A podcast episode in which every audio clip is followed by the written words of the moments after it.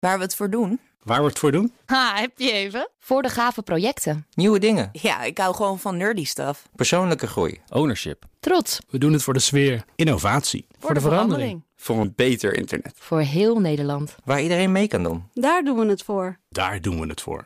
Waar doe jij het voor?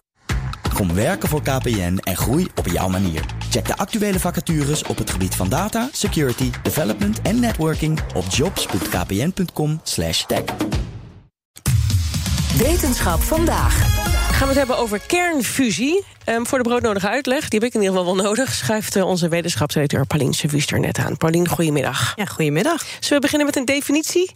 Ja, je denkt misschien aan uh, kernenergie. Uh, dat is wat anders uit een uh, kerncentrale. kernenergie, dat is kernsplijting. En kernfusie, het woord fusie zegt het al een beetje... dat is het samensmelten van twee atomen... Daar komt dan door dat samensmelten energie bij vrij. Die energie die gebruik je dan uiteindelijk voor elektriciteit. Dus je wekt energie op om uiteindelijk nou ja, alles wat we met elektriciteit doen, te doen.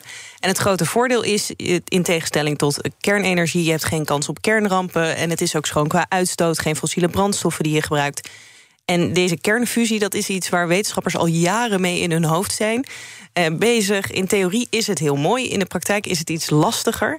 Want er is een grote test geweest, een reactor die is in Europa gebouwd. In 1997 kwam daar ook daadwerkelijk energie uit.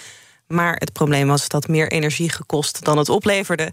Nu zijn ze bezig met een opvolger voor dit experiment. In Frankrijk uh, komt dat te staan. Het plan is dat die reactor in 2015 gaat draaien... ook meer energie levert dan het kost.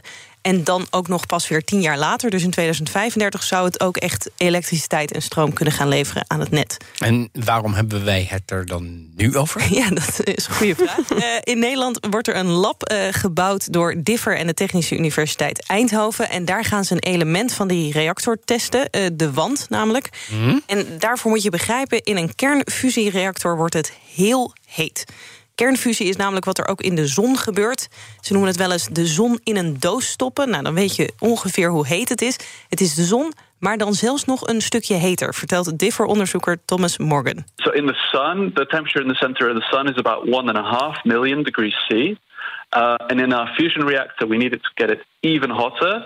Uh, we need to get it to about 15 million degrees C. So that's just something beyond our comprehension in, in, in terms of temperature, really. En als we het over degree C hebben, dan hebben we het natuurlijk over Celsius. En je moet het enorm verhitten dus. Dat is niet het probleem, dat kunnen we inmiddels al. Dan krijg je heel heet plasma. Oh ja, plasma, ja. Maar de vraag is, waar gaat de extra warmte dan heen? Want er is heel veel warmte die ze niet kunnen gebruiken. Die uh, stoten dan uit.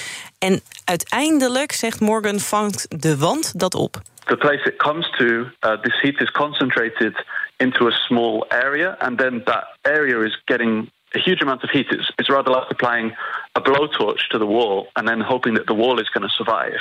So um, that's uh, really a big challenge.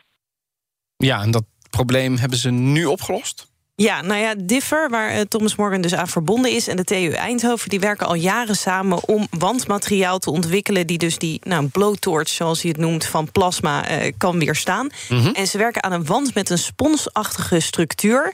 En met in die sponsachtige structuur dan vloeibaar metaal. Mm, Oké. Okay. En uh, Morgan legt uit waarom dat de hitte beter kan opvangen. Of course, the liquid is already a liquid, and so it doesn't matter. You don't have to worry about it melting. Um, and if it is eroded away, you can flow new liquid in place. So uh, this is essentially a self-healing wall now. And uh, the other big advantage of this is that if it gets too hot, then the liquid will start to evaporate. And when it evaporates, then the vapor that is coming from there comes into the plasma and helps to further cool the plasma down. So it's a self protecting, self stabilizing mechanism that protects the wall um, underneath this liquid from being damaged. And that means that you have a very tough and robust reactor that can't be damaged by this problem anymore. Ja, dus vloeibaar metaal, wow. dat zou de oplossing uh, moeten zijn. Dat is de droom. Conceptueel lijkt dit ook te werken. Uh, dat hebben ze al getest. En ze maken nu de stap naar grotere testen... zodat het uiteindelijk hopelijk ook kan worden toegepast... in die reactor in Frankrijk... waar ze dus in 2025, 2035 uh, willen gaan werken met kernfusie. En ja, Morgan zegt dan moeten we wel zeker weten dat het werkt, onze wand met uh, vloeibaar metaal. And so we need to really start going from the small scale testing that we've been doing so far um, and build that up.